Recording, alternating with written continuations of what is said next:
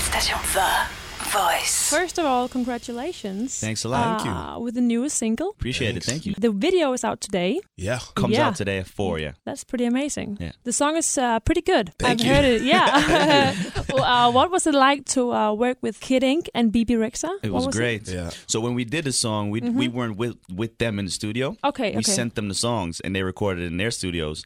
But we did the music video with them. Obviously, they were there with us. Yeah. Uh, and that was amazing. You know, it's always cool to you know it's people that are colleagues of yours in the in the industry, but you never met them. But once you meet Mm-hmm. them and they're as nice as they are, it's just a good feeling. You know. So Yeah. BB Rex is super talented. Kid Ink has been doing it for a long time. Uh, him too. You know, super talented and super cool. Also, uh, he's on tour now with Chris Brown, so it's cool Yeah, to I've heard see that. we got him right before he went out. It's just good, good feelings. yeah. Mm, Good. The chorus in the song is Yeah. That's How You Know We Fucked Up. Yeah. Uh, It's good you can curse on the. On the Yeah, radio. I love That's that. how you know you fucked up. Nice.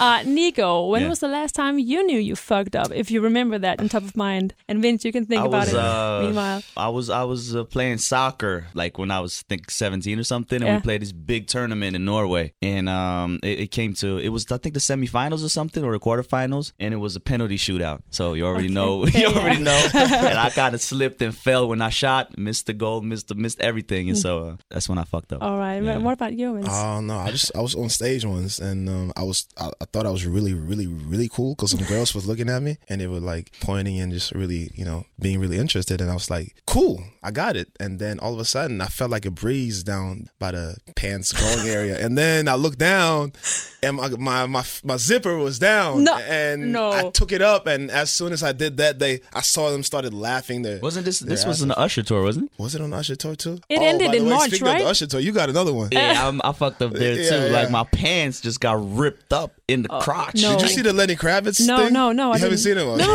it was, almost a that. Lenny Kravitz one. Like Really? on stage in front of like 20, 30,000 people. What what wa- what was uh, the experience with Usher? Was it awesome? Mm-hmm. Oh, yeah. That was incredible. Amazing. Him too, you know. Him as a person, first of all, is super, super relaxed, zen, good energy. Hmm. Yeah. But you know, to stand on, on in an arena in front of like twenty thousand people every day, Was it surreal?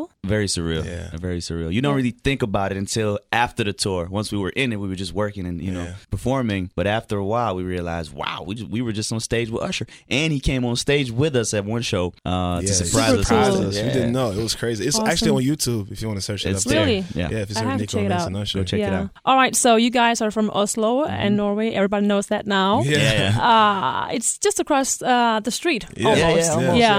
What do you miss about Norway? The weather? No. But friends and family, maybe?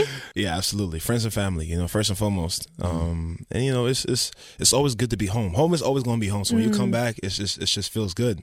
But then sometimes you get a little restless after you know for too long. So Yeah.